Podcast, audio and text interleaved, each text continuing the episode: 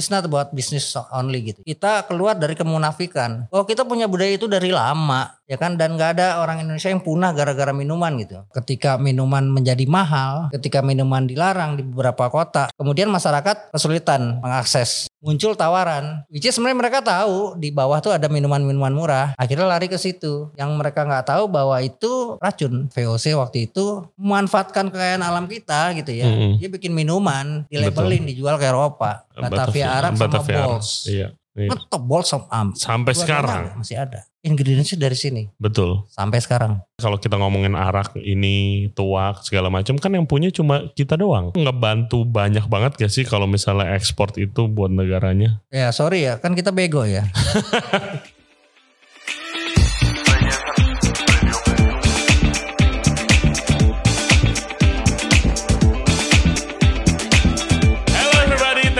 very much for tuning into the show today. Tamu kita kali ini Raymond Michael Menot. Dia adalah seorang antropolog dan juga penulis buku ini nih, Budaya Minum di Indonesia.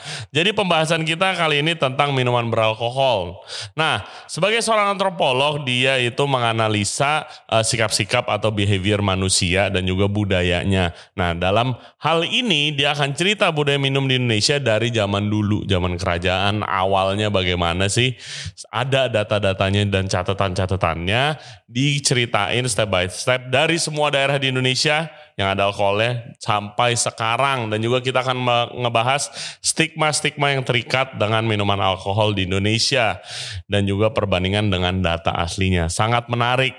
Nah, karena buku ini bagus banget, kita Regensen Radio mau uh, do a giveaway buat kalian dan all Regensen Radio family. Caranya gampang banget. Jadi episode ini akan diupload pada tanggal 5 Desember nih. Nah, kita akan kasih waktu seminggu buat kalian nonton atau dengerin. Terus habis itu of course kalian harus uh, subscribe dan juga follow di sosial media kita di Instagram dan di TikTok.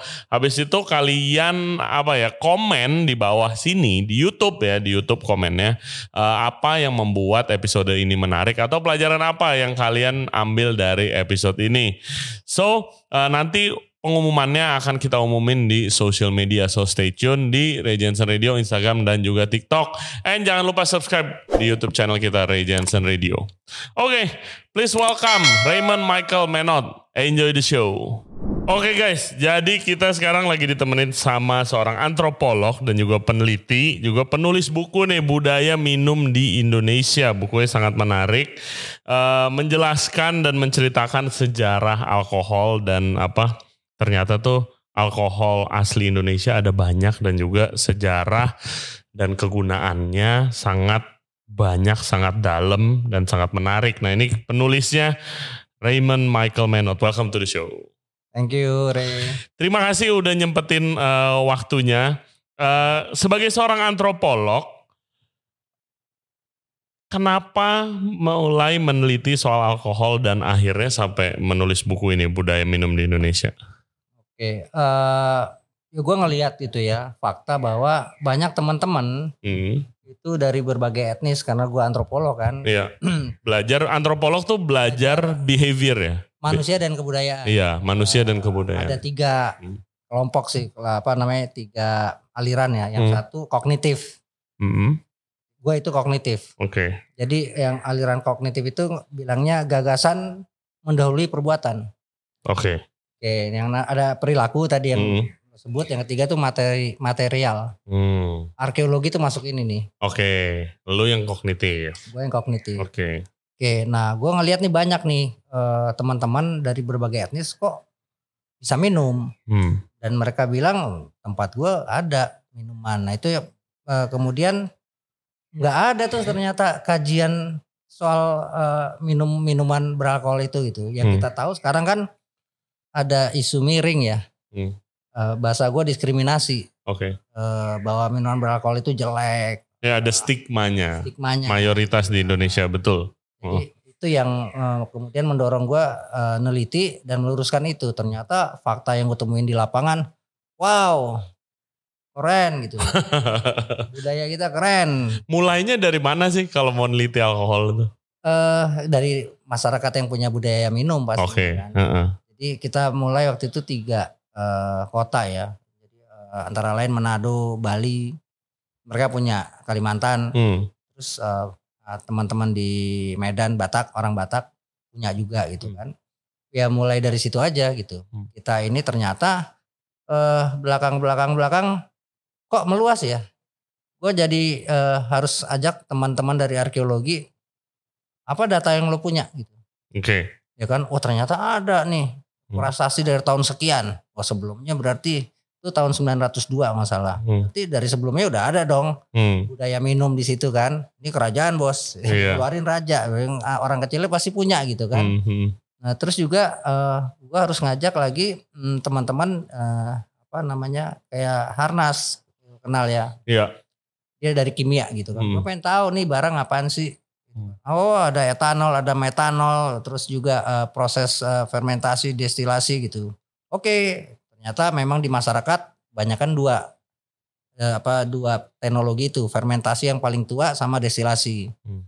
Namanya juga ternyata hampir mirip se Indonesia. Hmm. Tuak itu yang fermentasi, Iya. Distilasi Arak ya. arak. destilasi itu. Iya. Walaupun ada nama-nama khusus, tapi kalau mereka dibilang mau beli tuak, tahu. Hmm. Saguer itu kan tuak kelasnya, Iya. fermentasi. Gitu. Ya gue juga baru belajar tuh ya ternyata sebanyak itu mulai dari Saguer itu di daerah kalau Sagu Sulawesi Utara. Sulawesi Utara terus Sama Ambon ya. oke terus di Jawa biasanya Ciu Ciu. Banyak. Ada legen. eh, Legen. Legen Mm-mm. juga ada gitu. terus kalau di Bali Tuak dan Arak Nah, ada lagi di Flores brem. Moke iya ada Brem juga dan masih banyak lagi sebenarnya Nah yang gue penasaran, gue kan udah mulai baca nih buku. Nah.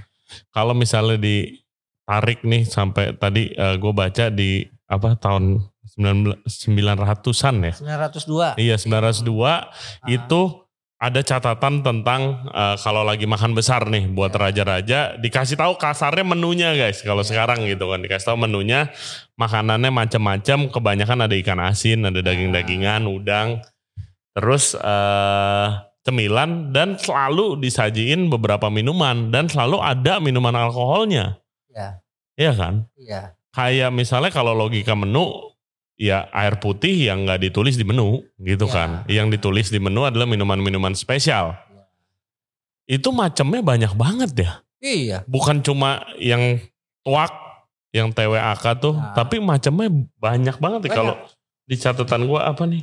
Yang dari Arak awis badai-badai budur, Iya, cinca. cinca, macam. Ah, ah. madia, mesawa, mastawa. Ah. Ini pada ke mana sekarang? Hey guys, kalau kalian suka konten seperti ini, jangan lupa like the video dan juga subscribe ke channel kita, Ray Jensen Radio Podcast. Back to the show. Eh, mungkin nggak semuanya eh, survive ya, tapi Hmm. sekarang mulai kembali lagi Re. Jadi Hmm. ini gue juga belajar dari Harnas ya. Eh, semua yang mengandung karbohidrat Hmm, itu bisa bisa difermentasi kan.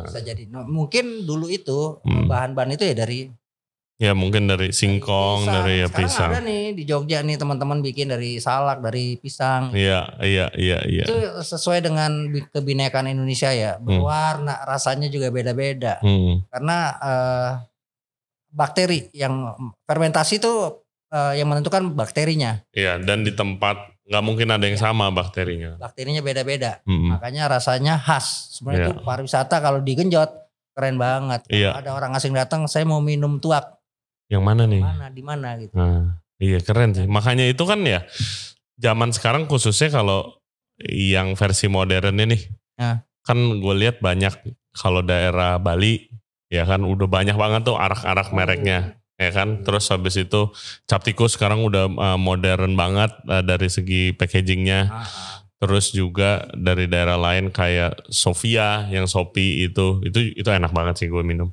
Itu botolnya ada di situ. Oh, iya. itu eh, kalau lu lihatnya gimana? Apakah itu encouraging? Iya pastinya ya Hmm. Eh, satu hal eh, mereka itu menurut gua mengajak kita ini it's not about business only gitu ya Hmm. mengajak kita keluar dari kemunafikan Hmm. bahwa kita punya budaya itu dari lama Hmm. ya kan dan nggak ada orang Indonesia yang punah gara-gara minuman gitu Hmm. kan kalau buat teman-teman di kedokteran kan ujung-ujungnya mati mati mati Hmm. ya kan orang Jepang masih hidup sampai sekarang Orang Hmm. Cina masih ada sampai sekarang ribuan tahun mereka minum, Hmm, ya kan? Nggak punah. Orang Korea iya. masih ada yang punya budaya. Inggris, Prancis segala. Iya. Ada hal yang menarik banget dan mungkin sedikit kontroversial ya gue baca di Hmm. bukunya. Itu kayak eh lu menulis negara-negara yang maju itu banyak sekali negara-negara yang maju-maju itu negara-negara yang Punya terbuka dan juga punya budaya minum dan minuman yang bagus gitu. Hmm. Itu menurut gua menarik banget sih. Kayak kalau misalnya di Indonesia banyak yang masih me- apa ya bikin berperanggapan alkohol tuh negatif doang. Ya. Gitu. Gua nakal ya, itu Hmm. kan pemikiran nakal gue ya. Hmm, Ternyata hmm. tapi sangat menarik sih kayak oh iya. Eh, the facts aja ya. Hmm. Bali, Hmm. Iya, Indonesia, heeh. Bali iya. terbuka punya budaya minum. Hmm. Maju nggak mereka? Sangat, mungkin lebay sekarang majunya. Contoh gitu ya. Heeh. Eh, kayak Manado juga. Hmm. Manado punya budaya minum. Hmm. Maju nggak? Maju lah. Maju. Tapi sayangnya ada masih kontroversi Hmm. Hmm. soal agama juga di sana. Hmm, Tapi hmm. kalau Bali enggak. Iya. Dan tadi menjawab Re yang zaman kerajaan itu ya yang banyak eh, itu ada molimo di ajaran eh, Hindu dulu gitu ya. Hmm. Kalau bukan molimonya Sunan Kalijaga, tapi yang Hindu itu daging, ikan, seks, Hmm. minum. Hmm. Satu lagi apa ya? Semedi eh apa? Ya semedi Iya. itu. Itu molimo ajaran itu. Jadi eh, ritual atau Hmm. Ritual. ibadahnya tuh yang lima itu. Hmm. Sehingga make sense kalau di prasasinya keluar ditulis ngapain sih pentingnya lu nulis makanan minuman Hmm. Ya kan itu nunjukin juga bahwa raja itu dia menjalankan ritual disajikan makanan-makanan yang sesuai sama ritual gitu ada Hmm. ikan ya kan ada daging Hmm. semedinya ya enggak Hmm. Nah, itu Prabu Kertanegara di ya dibunuhnya itu ketika semedi Oke. dia lagi ritual Hmm. salah satunya pakai minuman makanya ini nulis buku ini gue sampai ketemu sama orang yang belajar soal frekuensi Apa soalnya? frekuensi Frekuensi. Itu Oke. eh, theta ya Hmm. eh, kalau nggak salah Iya energi. theta, Iya gelombangnya itu. Eh, manusia normal tuh 12 13 Hmm. kalau lo eh, eh, roh dunia roh itu 7, koma berapa gitu Hmm. jadi minuman itu mengurangi frekuensi lo sehingga kalau orang minum habis mabok kan Hmm. eh, apa namanya tidur Hmm. itu selesai tuh Oke. nggak ngeluarin frekuensi itu. Nah, jadi begitu eh, minum itu ngurangi frekuensi kan. Hmm. Di level tertentu lu bisa masuk dunia roh.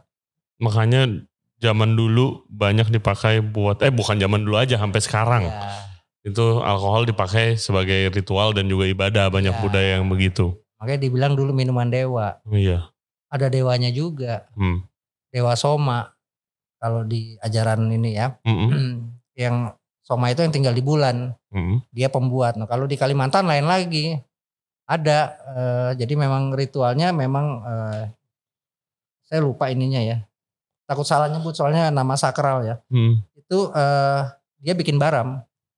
Hmm. Makanya di Kalimantan orang Dayak baram itu kenceng. Baram itu brem. Apa? Oke.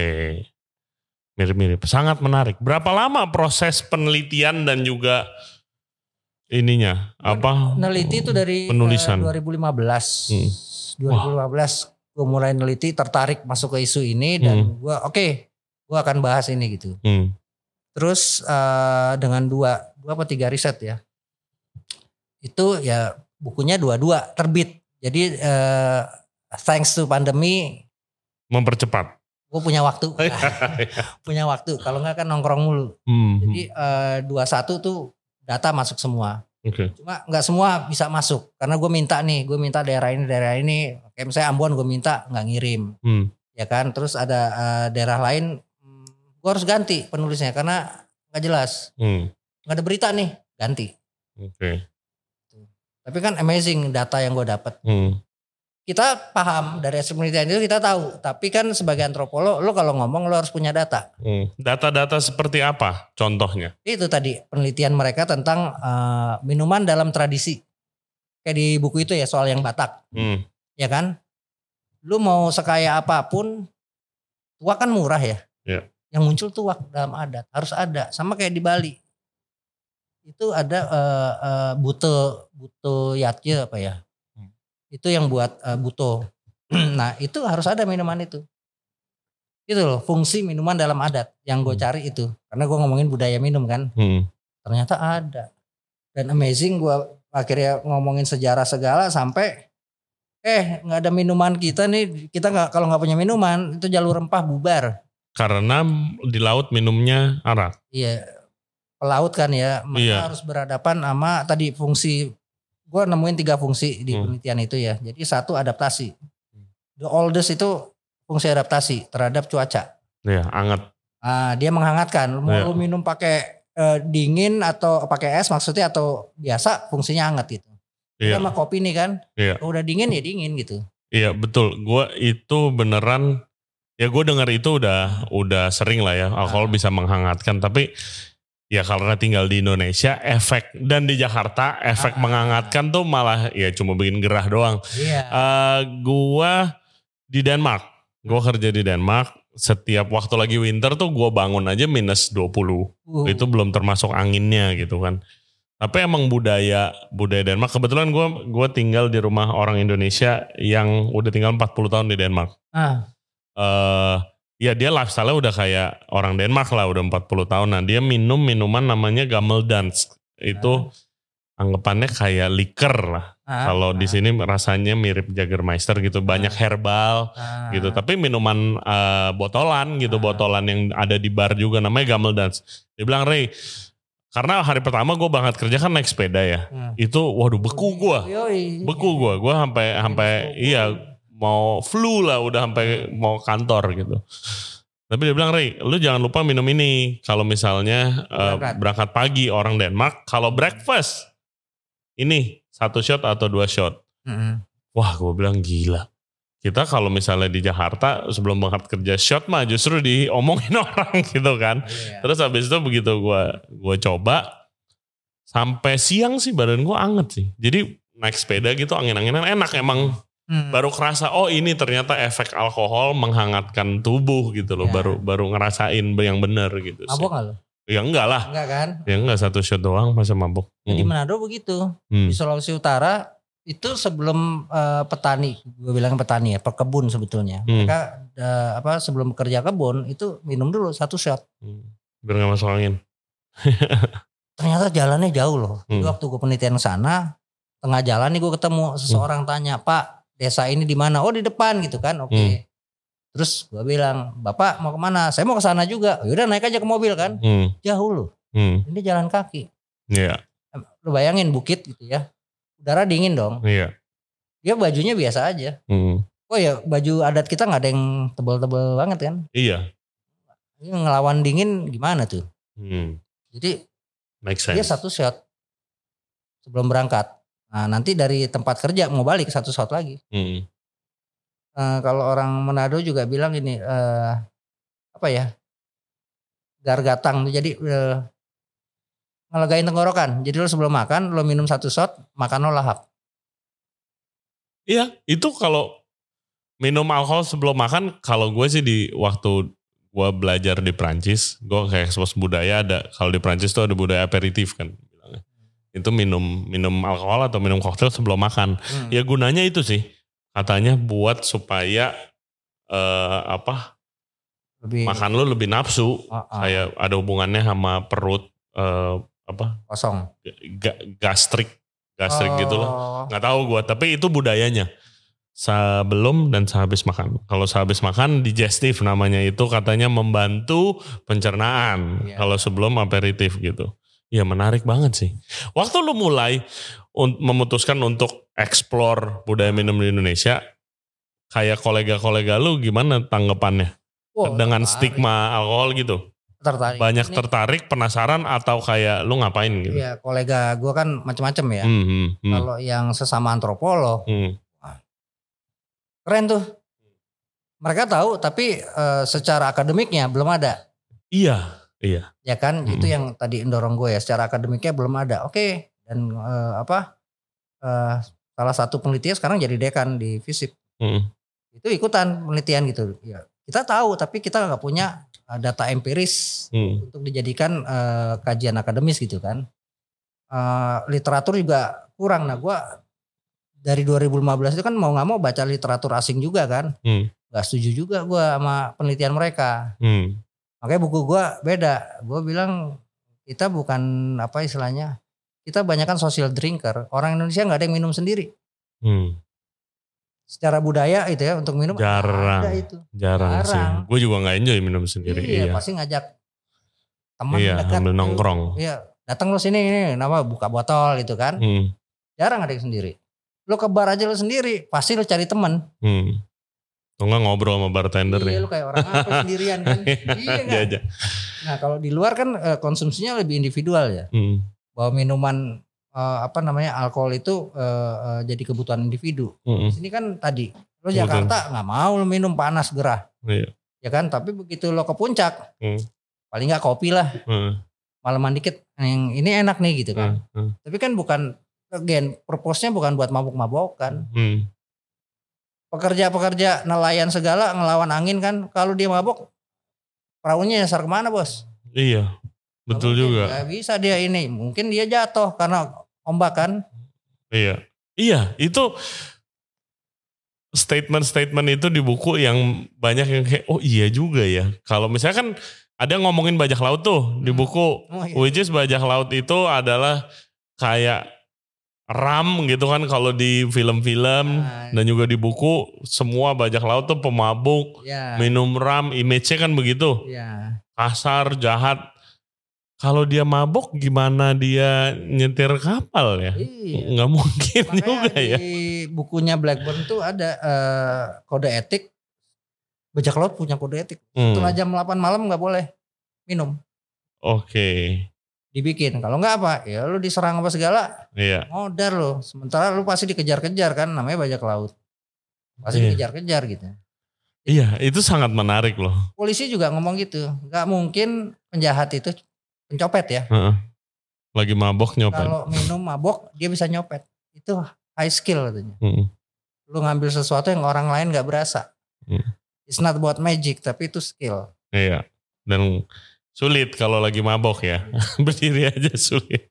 Nah, ta- tapi di samping itu tadi ya, terutama untuk eh, eh, jalur rempah perjalanan lu Hmm. perjalanan dari sana ngang- laut gitu ya sampai sini zong Hmm.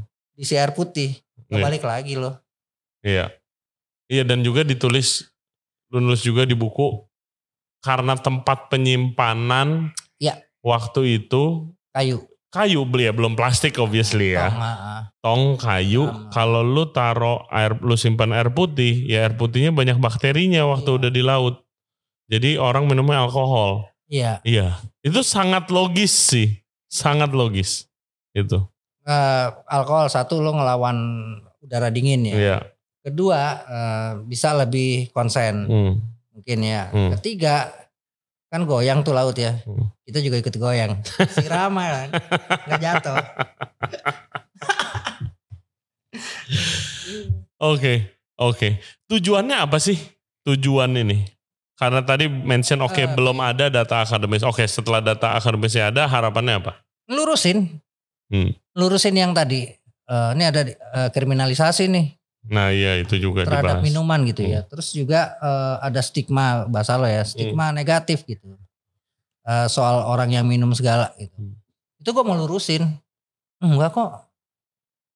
Orang Jawa dulu aja udah punya takaran gitu ya. Ada 10 sloki.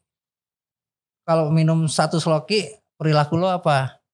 Minum dua apa? Empat ke atas bahaya. Tapi yang terakhir 10 tidur. Hmm. Ya kan? Yang bahayanya nih apa? Ya tadi karena gua eh, aliran kognitif, Hmm. gagasan menentukan perilaku. Hmm. Kalau otak lo mesum, lo minum, itu minum pengaruh apa yang ada di otak lo keluar tuh. Iya. Itu kejadian gue penelitian Surabaya. Ada cowok digampar di bar. Hmm. Ya kan otaknya udah Iya. ini kan. Yo ada cewek gini main dicoel aja gitu, di- ditabok lah. Hmm. Itu Terus- juga menarik tuh soal kriminalisasi. Iya dan apa namanya hmm, antisipasi masyarakat ya secara adat terhadap warganya yang mabuk juga beragam. Kalau di Manado ada yang mulai mabok, mulai ngoceh macam-macam, tambahin. Nah, itu dia. Gue ada cerita tuh soal itu, Mas. Jadi suatu hari ini gue lagi pulang dari bar, Hmm. pulang dari bar di daerah Cikini. Gue mau menuju ke bar gue yang gue punya, Hmm. Eh, karena ada tamu. Terus gue di sana dapat eh gue naik eh, apa eh gokar. Hmm. Terus habis itu yang nyupir adalah ibu-ibu jilbaban. Hmm. Terus habis itu dia bilang, Mas itu dari mana restoran apa bar? Dia Hmm. bilang gitu. Oh eh, restoran sama bar bu. Gitu. Oh oke. Minumannya apa di sana? Dia nanya gitu. Gua tertarik nih. Hmm. Karena ya gue penasaran punya podcast. Dan juga kok ini ibu-ibu jilbaban nanya gue minumannya apa. Oh ya paling koktail bu. Ini restorannya. Oh oke. Saya orang Manado soalnya. Kayak menurut saya eh, minuman mah eh, biasa. Dia bilang keluarga saya mah cuma saya doang yang nggak minum. Yang lainnya mah emang dari dulu dari saya kecil emang udah ada budayanya gitu. Nah terus gara-gara jalanannya macet banget, jadi dia cerita soal budaya itu. Dia bilang saya bingung kalau misal saya bingung loh kalau misal di saya nih di Jakarta udah tiga, eh, baru tiga tahun dia bilang. Saya bingung kenapa ya malah saya yang kayak saya yang kayak berasa orang orang lebih pengertian, saya yang berasa orang lebih apa tenggang rasa sama budaya orang lain di sini beda agama eh Hmm. ricu, beda eh, budaya diomongin, sini minum, situ nggak minum diomongin. Hmm. Saya bingung, saya malah saya yang berasa jadi orang kota ini datang ke kampung, di kampung saya nggak pernah ada begitu. Terus kalau misalnya iya, kalau misalnya biasanya eh, yang laki-laki katanya kalau ngumpul ya pasti minum-minum dong, dia bilang. Itu kalau lagi mabok ya bukannya di eh, malah dikata-katain, dia bilang. Tambah biar tidur katanya Iya. gitu. Tambah biar tidur. Strateginya gitu. Kalau Iya. di tempat lain itu ada yang dipijitin Hmm.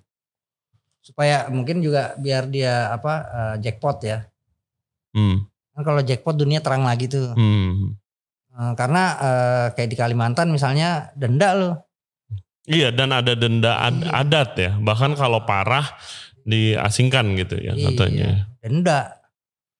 Jadi kalau makanya eh, tadi ya mungkin karena si ibu dari Manado gitu ya. Hmm. Strateginya eh, beda sendiri Manado tuh. Tambahin Hmm. biar, biar cepet tidur. nah itu gue temuin di temen jadi di temen kampus tuh ada yang eh, dia pemin, eh, peminum lah ya, Hmm. pe- pemabuk ya. Dia kalau minum selalu mabok soalnya, jadi Mhm. pemabuk lah. Dia jarang minum. Kalau ada kesempatan minum dia mabok. Jadi kalau kita ada acara dia kan pasti datang kan. Hmm. Kalau kita mau minum-minum dia dia hajar duluan dia tuh. Hmm. Jadi sebelum acara dia udah tumbang. Kita bebas nggak digangguin. yang yang menarik dan gue mau nanya ke lu juga soal minuman oplosan. Ah. Yang yang menurut gue itu sangat ngefek ke persepsi orang-orang sekarang soal alkohol nih, khususnya di kota-kota besar. Yang menariknya berdasarkan data, justru oplosan-oplosan itu muncul di saat sudah ada larangan. Hmm. Yang gue bayar itu sangat menarik sih. Justru karena dilarang-larang malah yang kualitas-kualitasnya jelek Hmm. bermunculan gitu. Gue lihatnya dua dua angle ya. Yang satu itu eh eh, soal gejala bahwa ketika minuman menjadi mahal, eh, ketika minuman dilarang di beberapa kota gitu Hmm. ya, yang walaupun perdanya itu nggak sesuai karena perda itu harus ada cantolan hukum di atasnya. Hmm. Cantolan hukum di atas ya Perpres sama Permendak Hmm. membolehkan ada minuman. Kenapa dia melarang? Dasarnya apa? Gak bisa dong moralitas produk hukum Iya, kan itu ya. Ah. Jadi kemudian masyarakat kesulitan mengakses hmm, minuman. Muncul tawaran iya, yang which is sebenarnya mereka tahu di bawah tuh ada minuman-minuman murah. hmm, Akhirnya lari ke situ. Yang mereka nggak tahu bahwa itu eh, racun. Iya. Dan kemudian eh, makanya gue thanks to you undang gue. Ini juga bagian dari eh, kampanye gue yang meluruskan tadi. Oplosan itu bukan minuman, ya racun. racun. Kondisinya apa? Syaratnya salah satu komponen pencampurnya itu pasti racun. Hmm. Entah alkoholnya metanol, al- alkohol apotik ya, Hmm. alkohol rumah sakit, eh, atau eh, campurannya nih. Dicampur sama antimo, Hmm. campur sama baik, eh bukan baik, apa? eh, autan. Oh, Iya. Terus eh, gua nemuin kasus di Manado campur pakai eh, eh, apa sampo. Sam. Oh my God. Gue tanya kenapa? Dia anak masih muda gitu ya. Hmm. Ya biar gue pulang nggak bau mulutnya. No. Bocah gitu kan. Oke deh gitu. Tapi Oh my God.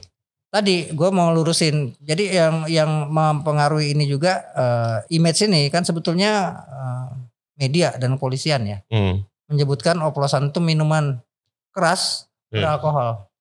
Ya sebenarnya itu racun. Itu racun. Karena kalau eh, minuman alkohol yang dicampur kan udah ada namanya koktail, Hmm. ya kan? Iya. Ya ada mixologi juga tapi eh, itu semuanya food grade gitu loh yang bisa Masuk ke badan bukan racun gitu. Hmm. Apalagi eh, ada yang dicampur dengan antimo. Hmm. Ini minum antimo aja udah ngantuk. Bukan, gue mikir sebenarnya lo mau mabok apa enggak sih? Mau tidur. Antimo kan anti mabok, Iya. iya kan? Tapi lo minum alkohol gitu, jadi sebenarnya lo mau mabok apa enggak gitu? Gak jelas emang. Eh, nah, gue sebenarnya ada ada usul gitu ya. Hmm. Eh, gue pengen bikin satu workshop, Re, Hmm. gitu ya, publik. Gimana cara membuat minuman fermentasi? Hmm. Gampang kok, ingredientsnya banyak kok. Hmm. Dan eh, hygiene juga, lu bisa bikin sendiri. Hmm. Cuma nunggunya lama. Iya. ya kan tapi eh, lo tahu prosesnya lo tahu ingredientsnya dan itu aman untuk lo minum Hmm. lama bisa 14 hari tergantung Iya. eh, gitunya ya Tergantung minuman apa. Ah, ah, tapi kita ajarin nih workshop terserah lo mau ingredientsnya apa supaya nggak lari ke oplosan Iya. Oh iya benar juga. lo minum lo bikin aja gitu ngapain lo beli apa eh, Iya. nggak iya. jelas Iya. ya kan lo bikin lo tinggal ngundang anak-anak begitu panen Hmm. ya bikinnya jangan jangan segini dong ya kan terus gue juga bilang "Eh, ya karena ini nunggunya lama eh, hari pertama lo bikin besok lo bikin lagi Iya kalau ada edukasi yang Kalau benar sih. memang lo mau minum ya Iya. bukan bukan untuk dijual ya Iya. tapi buat konsumsi sendiri gitu Iya. Tapi itu harus hati-hati loh workshop gitu karena benar-benar harus step by step yang higienisnya Iya. gitu kan. kita ajak ahlinya dong Mm-mm. yang udah biasa dengan teknologinya jadi Iya. kan eh, kalau fermentasi itu kan eh, kuncinya di udara ya Hmm. kalau dia kemasukan udara jadi cuka tuh Hmm. hancur prosesnya rusak Hmm. Iya iya betul. kan nah itu ada ternyata alatnya kayak gitu-gitu loh dikasih tahu ini Hmm. murah kok Hmm. kalau di sama botol yang gede itu gue tanya berapa ya kalau nggak salah waktu itu 200 Hmm. itu kita pernah ngobrol di pekan kebudayaan nasional tapi as you know lah ada di belakang diumpetin Hmm. kita bicara alkohol gitu kan kalau menurut gue ini masih Iya iya biasanya begitu sih. masih setengah hati kalau gue enggak ini budaya kita kok kita nggak munafik Kita kita waktu itu sempat ada ngomongin itu di eh, festival eh, Idea Fest. Hmm. Kebetulan gue dapat kesempatan jadi moderatornya. Nah ngomonginnya ini topiknya alkohol lokal Indonesia. Hmm. Dan emang tamu-tamu yang diundang pun kayak emang ada yang punya arak Bali yang udah produksinya ke mana-mana. Ada eh, Pak Joshua yang punya lokaholic, Hmm. bar dengan eh, minuman lokal semua gitu segala macam. Dan salah satu yang ada nonton di situ dia eh, udah pensiun, tapi dia sepanjang karir itu menjadi direktur komersilnya PT eh, Bintang, Bir Bintang. Babang Britono Nah iya ya, namanya siapa ya? Bambang Britono Ini udah tua banget, hampir 80 years old. Iya, pokoknya. Eh, Chinese guy, udah tua banget. oh Terus eh, kita lagi mau ngajak dia ke podcast juga, tapi dia bilang itu kayak ini pembahasan keren begini, tapi ya again, masa mestinya ng- nggak cuma lu nih yang bahas beginian gitu loh. Iya. Kayak mestinya ini disebarluaskan gitu loh. Tapi ya mungkin mulai dari akademisnya dulu kali ya, baru nanti Iya. mengalir ke yang main- lebih mainstream mungkin. ya kalau Kalau udah ada tadi ya, kan datanya. lurusin gitu ya nothing wrong dengan namanya sesuatu yang berlebihan pasti Hmm. nggak baik Mhm. ya kan jadi eh, minuman juga kalau lo berlebihan tadi Iya. yang standar orang Jawa itu di eh, slot apa sloki keempat ke atas itu mulai Iya. terpengaruh tuh Ada segala. Heeh. Mhm. jadi eh, kalau lo minum 4 sloki masih aman lah Mhm. kalau gue sih satu dua aja lah Mhm. Pernah sih gue minum 10 sloki nggak mabok. Bingung gue. Itu, Re. Power of mind, Re. Hmm. Karena besoknya gue ada acara. Oke, jadi udah lebih Conference. fokus. Di otak tuh conference gitu kan. Hmm. Minum masuk terus. Kalau temen gue yang Manado bilang itu leluhur lo minum. Eh ada juga lu orang Manado di sini. Gue bilang gue dari Jawa. Gue leluhur kuburnya banyak di sini. Kubur leluhur gue di Jawa. Gue bilang gitu.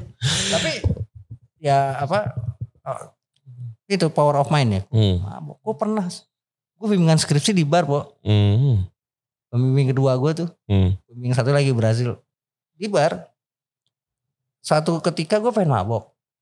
Udah apa ya. Penat. gitu. Nat lah nih kayaknya buntu nih gini kan. Gue pengen lepas gitu. Gak mabok loh. Malah nemu duit 900. Ya, maksudnya apa itu? Ini duit siapa jatuh nih? Nambah dong. Tapi itu power of mind ya. Jadi gue pikir ya udahlah kalau misalnya lu emang em, apa kita kan ngelurusin nih ceritanya.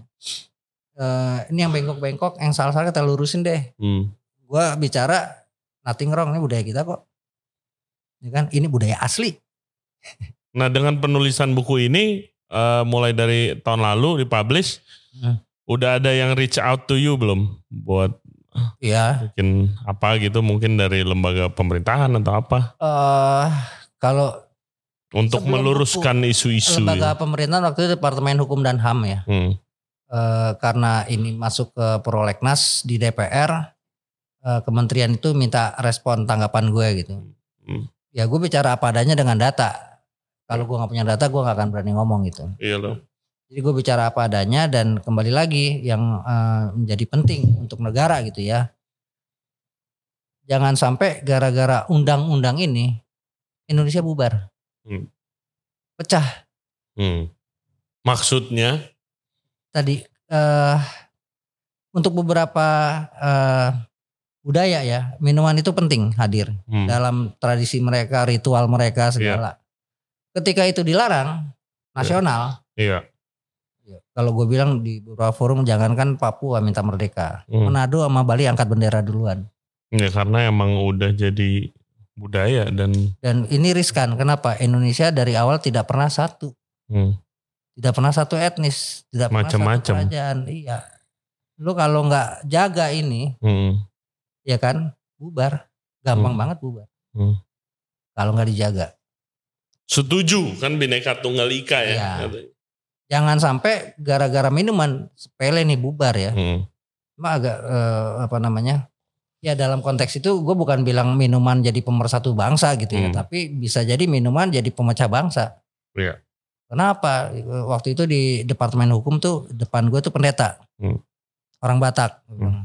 Pung Opung perjamuan kudus jadi gini ada eh, yang dari kaum Islam ada pendeta gitu ya Hmm. terus gue akademisi. Si Opung ini tadinya ya cari jalan tengah yang baik lah. Hmm, kalau gue kan nggak kiri kiri kanan kanan. Hmm, jangan di tengah-tengah jangan abu-abu. Hmm. gitu. Jadi gue bilang Pung Opung perjamuan kudus pakai anggur kan ya? Hmm. kita ganti aja Pung air putih. Wih gak bisa itu. Hmm. gak bisa Yesus bilang inilah darahku yang diangkat anggur bukan air putih Betul.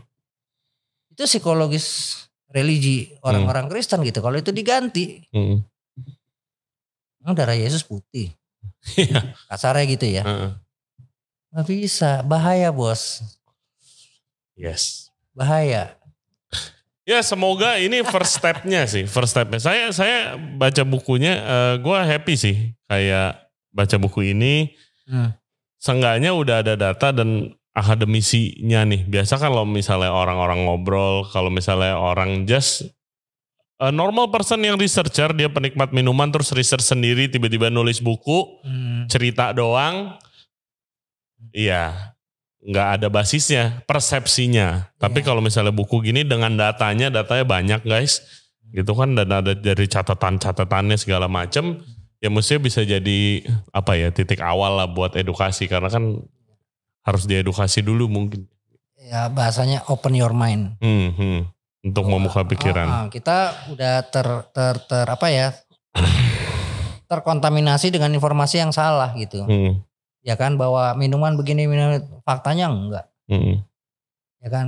Atau kalau misalnya, gue sempat mikir gitu ya, kenapa ada perda yang melarang gitu kan? Membahayakan apa segala. Sekarang lu bikin aturan ada datanya nggak? Mm. Kematian paling tinggi di daerah lu karena apa?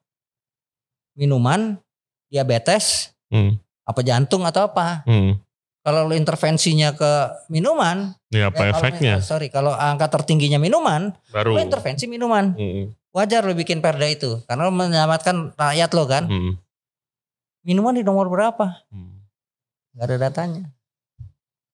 Mm. Diabetes Hmm. ada, jantung ada, Hmm. pembunuhan ada, segala kejahatan ya. Iya. Kalau masyarakat lo mati nih, Mm. lu mau menyelap- menyelamatkan rakyat lo nih, Mm. ya kan? Basis data lo apa? Lu buat kebijakan berdasarkan apa? Mm. Asumsi. Mm. Orang minuman ini begini-begini, nah itu.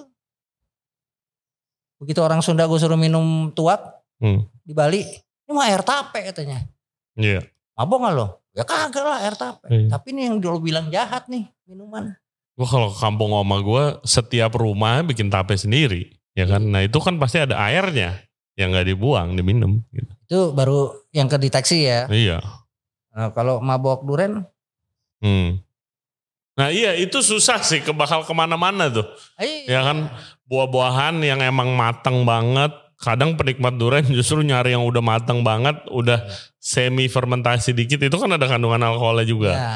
Dan pemerintah kita kan punya apa standar kalau di bawah berapa dianggap nggak ada, tapi sebenarnya ada. Ya, gue bingung sih itu kalau Kita itu. bahas secara ekonomi deh ya. Jadi eh, semua eh, buah itu bisa jadi minuman beralkohol. Hmm. Kita fermentasi. Hmm. Ini teman-teman di Jogja yang praktekin. Jadi buah yang udah kelewat masak itu nggak laku di pasar. Iya. Dibuang kan? Hmm. Sama anak-anak itu dibeli. Gimana nggak happy Iya. si pedagang nih, Betul. pe- pe- penjual buah. Hmm. Happy dong, ini harusnya udah gue buang nih. Hmm. Betul. Dihargain sama anak-anaknya, dibeli, bikin minuman. Betul. Difermentasi. Hidup tuh. Iya. Nggak jadi sampah tuh dibuang. Hmm. Enggak.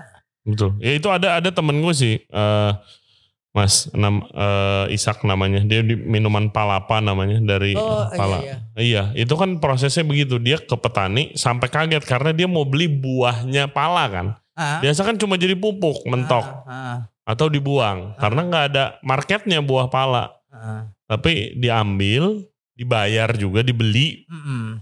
dan diproses jadi minuman alkohol gitu kan. Ya itu soal ekonomi dan kalau gue selalu gue selalu bayanginnya kalau negara-negara misalnya Scotland udah jelas Scotch Ya. single malt whiskey gitu Ah. kan. Ireland whiskey, Guinness, in, uh, Prancis dengan wine, Itali Ah. macam-macam. Itu kan ada potensial karena nggak ada yang punya lagi selain mereka. Kayak orang udah tahu Skotlandia ya whisky sampai dibilangnya Scotch gitu kan, Nah, bukan whisky Scott whiskey ya. itu kan ngebantu banyak banget gak sih kalau misalnya ekspor itu buat negaranya ya kan nah Indonesia kan misalnya kalau kita ngomongin arak ini tuak segala macam kan yang punya cuma kita doang nggak bisa ditiru lagi gitu Ya sorry ya, kan kita bego ya. Maksud gue gini, eh, di buku gue tulis tuh Eh. bagaimana eh, penjajah ya hmm. eh, VOC waktu itu memanfaatkan kekayaan alam kita gitu ya. Mm-mm. Dia bikin minuman, dilabelin, dijual ke Eropa. arak Batavia Batavia Arak sama Batavia Arak. Bols. iya Iya. Ngetop bol sama am. sampai sekarang masih ada. iya Ingredientsnya dari sini betul sampai sekarang. iya gue dikasih tahu tuh sama Sampai sekarang iya loh. gue dikasih tahu Ya. sama follower di Belanda Tahun seribu berapaan tuh? Heeh.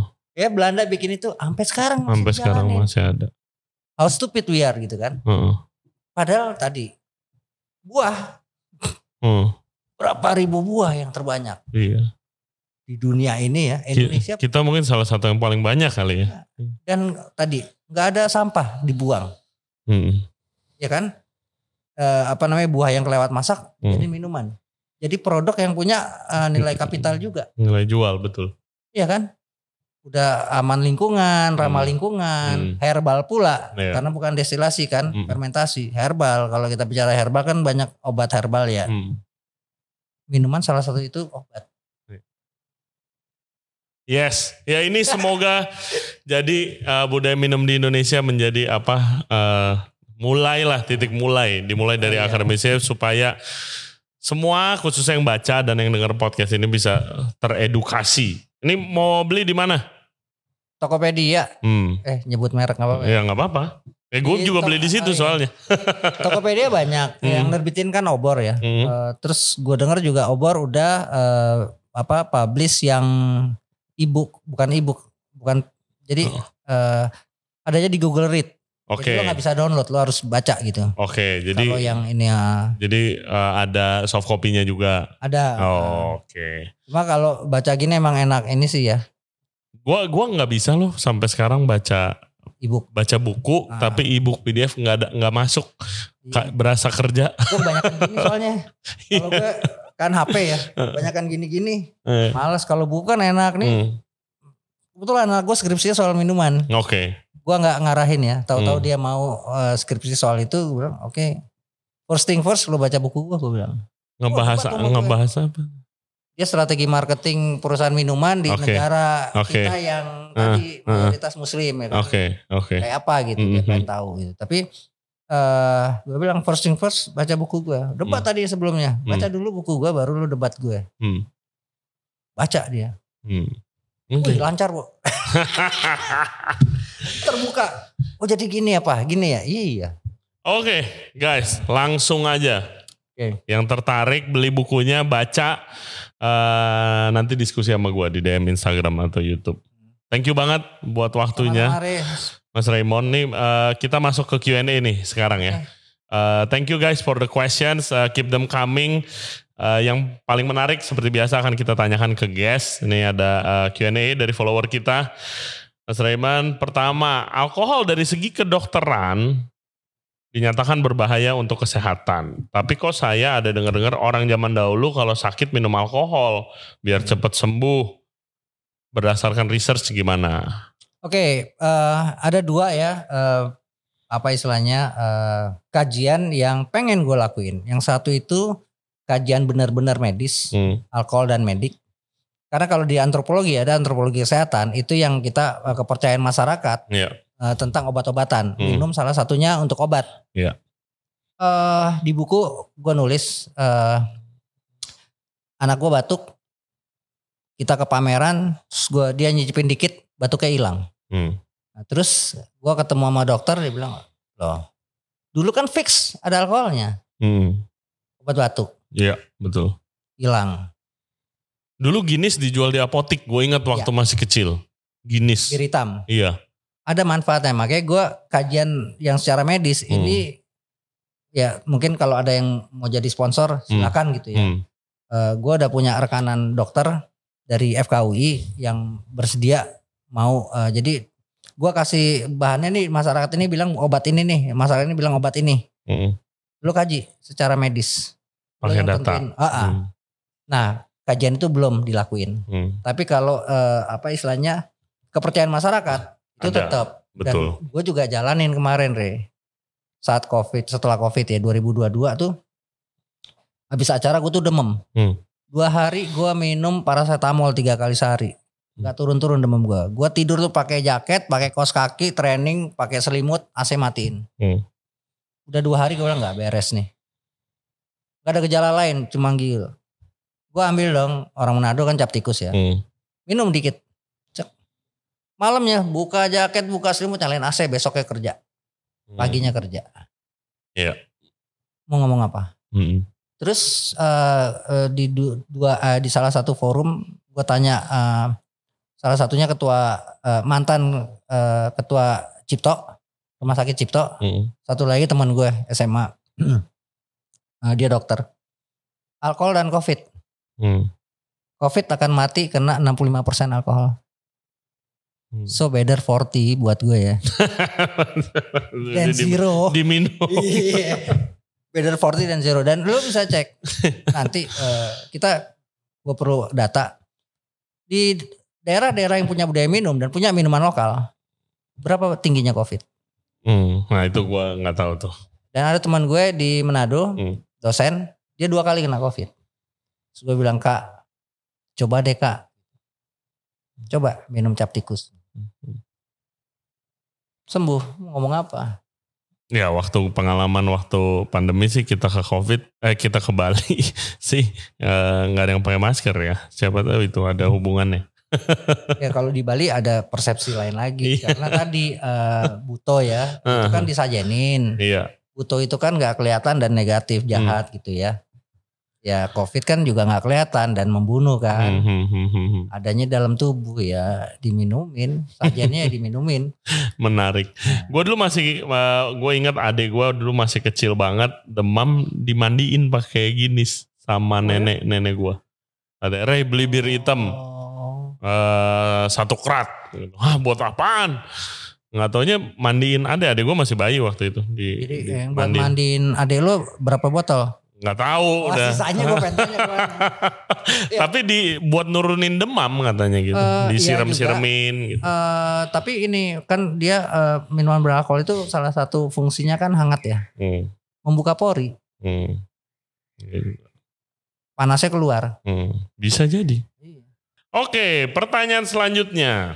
Banyak orang yang memandang negatif soal alkohol lagi-lagi, khususnya dari segi agama. Nah, kalau tadi kesehatan nih eh, agama, menurut Pak Raymond gimana cara membangun pandangan positif atau alkohol ini yang pu- untuk sisi positifnya juga? Ya dimulai dengan buku ini.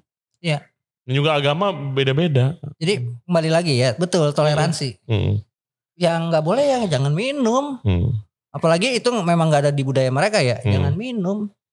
Tapi jangan melarang orang yang punya budaya minum. setuju. Dan uh, frankly speaking, minuman itu hadir lebih dulu Hmm, sebelum adanya agama di Nusantara. Iya, betul Dan- sih. Kem- eh, ada satu kasus, eh, bukan kasus, ada yang eh, apa? Jadiin gue narasumber ya, Hmm, skripsi mahasiswa di Solo. Dia ngomong Ciu yang melanggar Perda. Eh, Iya. ntar dulu gue bilang, yang ada lebih dulu siapa Ciu atau Perda? ya kan? Ya Ciu ininya Pak. Ya berarti Perda yang melanggar Ciu. Kok bisa gitu kan? Ini budaya yang udah ada, kemudian dibilang melanggar Perda. Perdanya hadirnya belakangan. Iya, iya. Perspektif lagi-lagi kan. Hmm. Ya toleransi sih, Ya. toleransi penting. Ya jangan istilahnya ya udah kalau keper- tergantung kepercayaan masing-masing dan menghormati. Exactly. Yang terakhir nih, Hmm. Fani Ismayanil sat- Ismayani 1268. Gimana caranya anak muda melek soal alkohol ini, perayaan minum alkohol yang tadinya dari tradisi dan ritual bergeser untuk sebatas minum-minum aja. Apa yang terjadi? Ya tadi ada fungsi ya yang Hmm. gua bilang di buku ini. Satu adaptasi, kedua ritual. Hmm, Kita udah sempat singgung. Yang ketiga itu fungsi sosial. hmm, Jadi dalam perayaan, seremoni segala minuman tuh hadir. hmm, Misalnya eh, dalam perkawinan itu ada minuman tuh hadir. Iya. Mereka yang punya budaya minum itu mensosialisasikan minuman kepada anak-anak mereka. hmm. Iya. Umumnya akil balik ya Hmm. yang boleh minum. Tapi di ma- semua masyarakat katanya anak-anak curi-curi. Hmm. Yang belum harusnya belum boleh ya nyuri-nyuri. Itu proses awal dan Hmm. itu kan namanya eh, budaya itu di apa berlangsung terus menerus. Hmm, Yang kawin kan bukan satu orang setahun. hmm, bisa sebulan ya yang kawin berapa orang ya minuman tuh hadir gitu kan dan itu menjadikan suatu apa istilahnya eh, ukuran buat kita bahwa oh gue udah harus stop nih hmm. kita punya alarm di tubuh eh gue udah mulai ini nih gue harus stop Hmm. ya kan yang punya budaya minum gitu tapi kalau yang nggak punya budaya minum ya itu yang los los aja Hmm. dalam pergaulan pun juga gitu nah yang perlu sebenarnya pertama lo tahu apa yang lo minum penting tuh lo tahu Iya. apa yang lo minum yang kedua lo tahu kadarnya Hmm. Eh, kemudian yang ketiga lo tahu batas lo Hmm. kalau apa eh, hitungan shot ya apa satu gelas loki gitu kan lo kira-kira tahu nih dan gini orang tuh terbentuk kayak misalnya lo biasa minum fermentasi lo dikasih yang destilasi mabuk lo Hmm. gue biasa destilasi dikasih bir mabok gue Hmm. Ya tergantung toleransi badannya masing-masing kan. Ya dan uh, efeknya kan beda-beda ya. Hmm. Karena uh, kita nggak punya budaya bir sebenarnya. Iya. Budaya kita tuh uh, 12% ke atas Hmm. uh, ininya apa alkoholnya. Nah bir itu kan sesuatu yang baru. Nah buat gue tadi gue minum 10 sloki nggak apa-apa gitu. Hmm. Dua botol bir mabok gue. Gue bilang eh nggak bener nih gue bilang. Bir 5% gitu kan. Kok gue naik gitu. Cepet naik. Sementara yang cap tikus Kurang cocok berarti. ya Hmm. badan gue nggak biasa bir. Hmm. biasa cap tikus karena di rumah nyetoknya cap tikus Tikus. bokap gue tuh samping Iya. tempat tidur botol gede cap tikus tapi emang buat obat Hmm. jadi kalau dia pusing segala gitu ya dia minum itu Hmm. gue tanya itu buat apaan kalau pusing minum gitu ya kalau sakit minum Hmm. gue lihat botolnya kan oh masih utuh nih Hmm. oh berarti kerjaan beres nggak pusing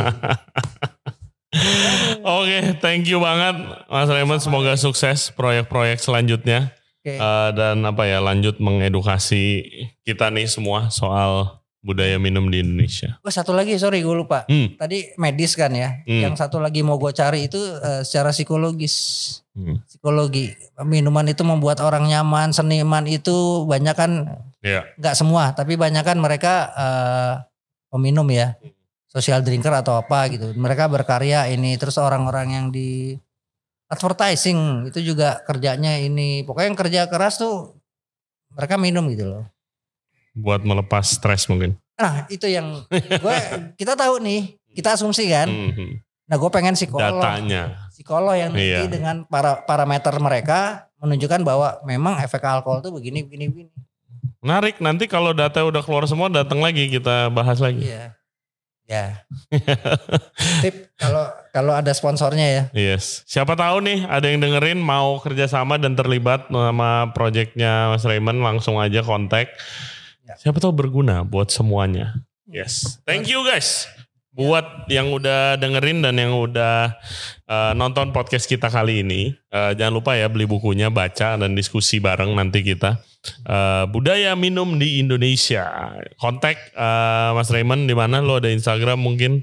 Ada eh, Retang 89. Retang 89 nanti lihat cek videonya eh, atau nanti kita kasih di deskripsi. And thank you guys. Ingat minum jangan mabok-mabokan, enjoy aja, jangan banyak-banyak dan juga bisa buat kesehatan, oke? See you next time. Bye bye.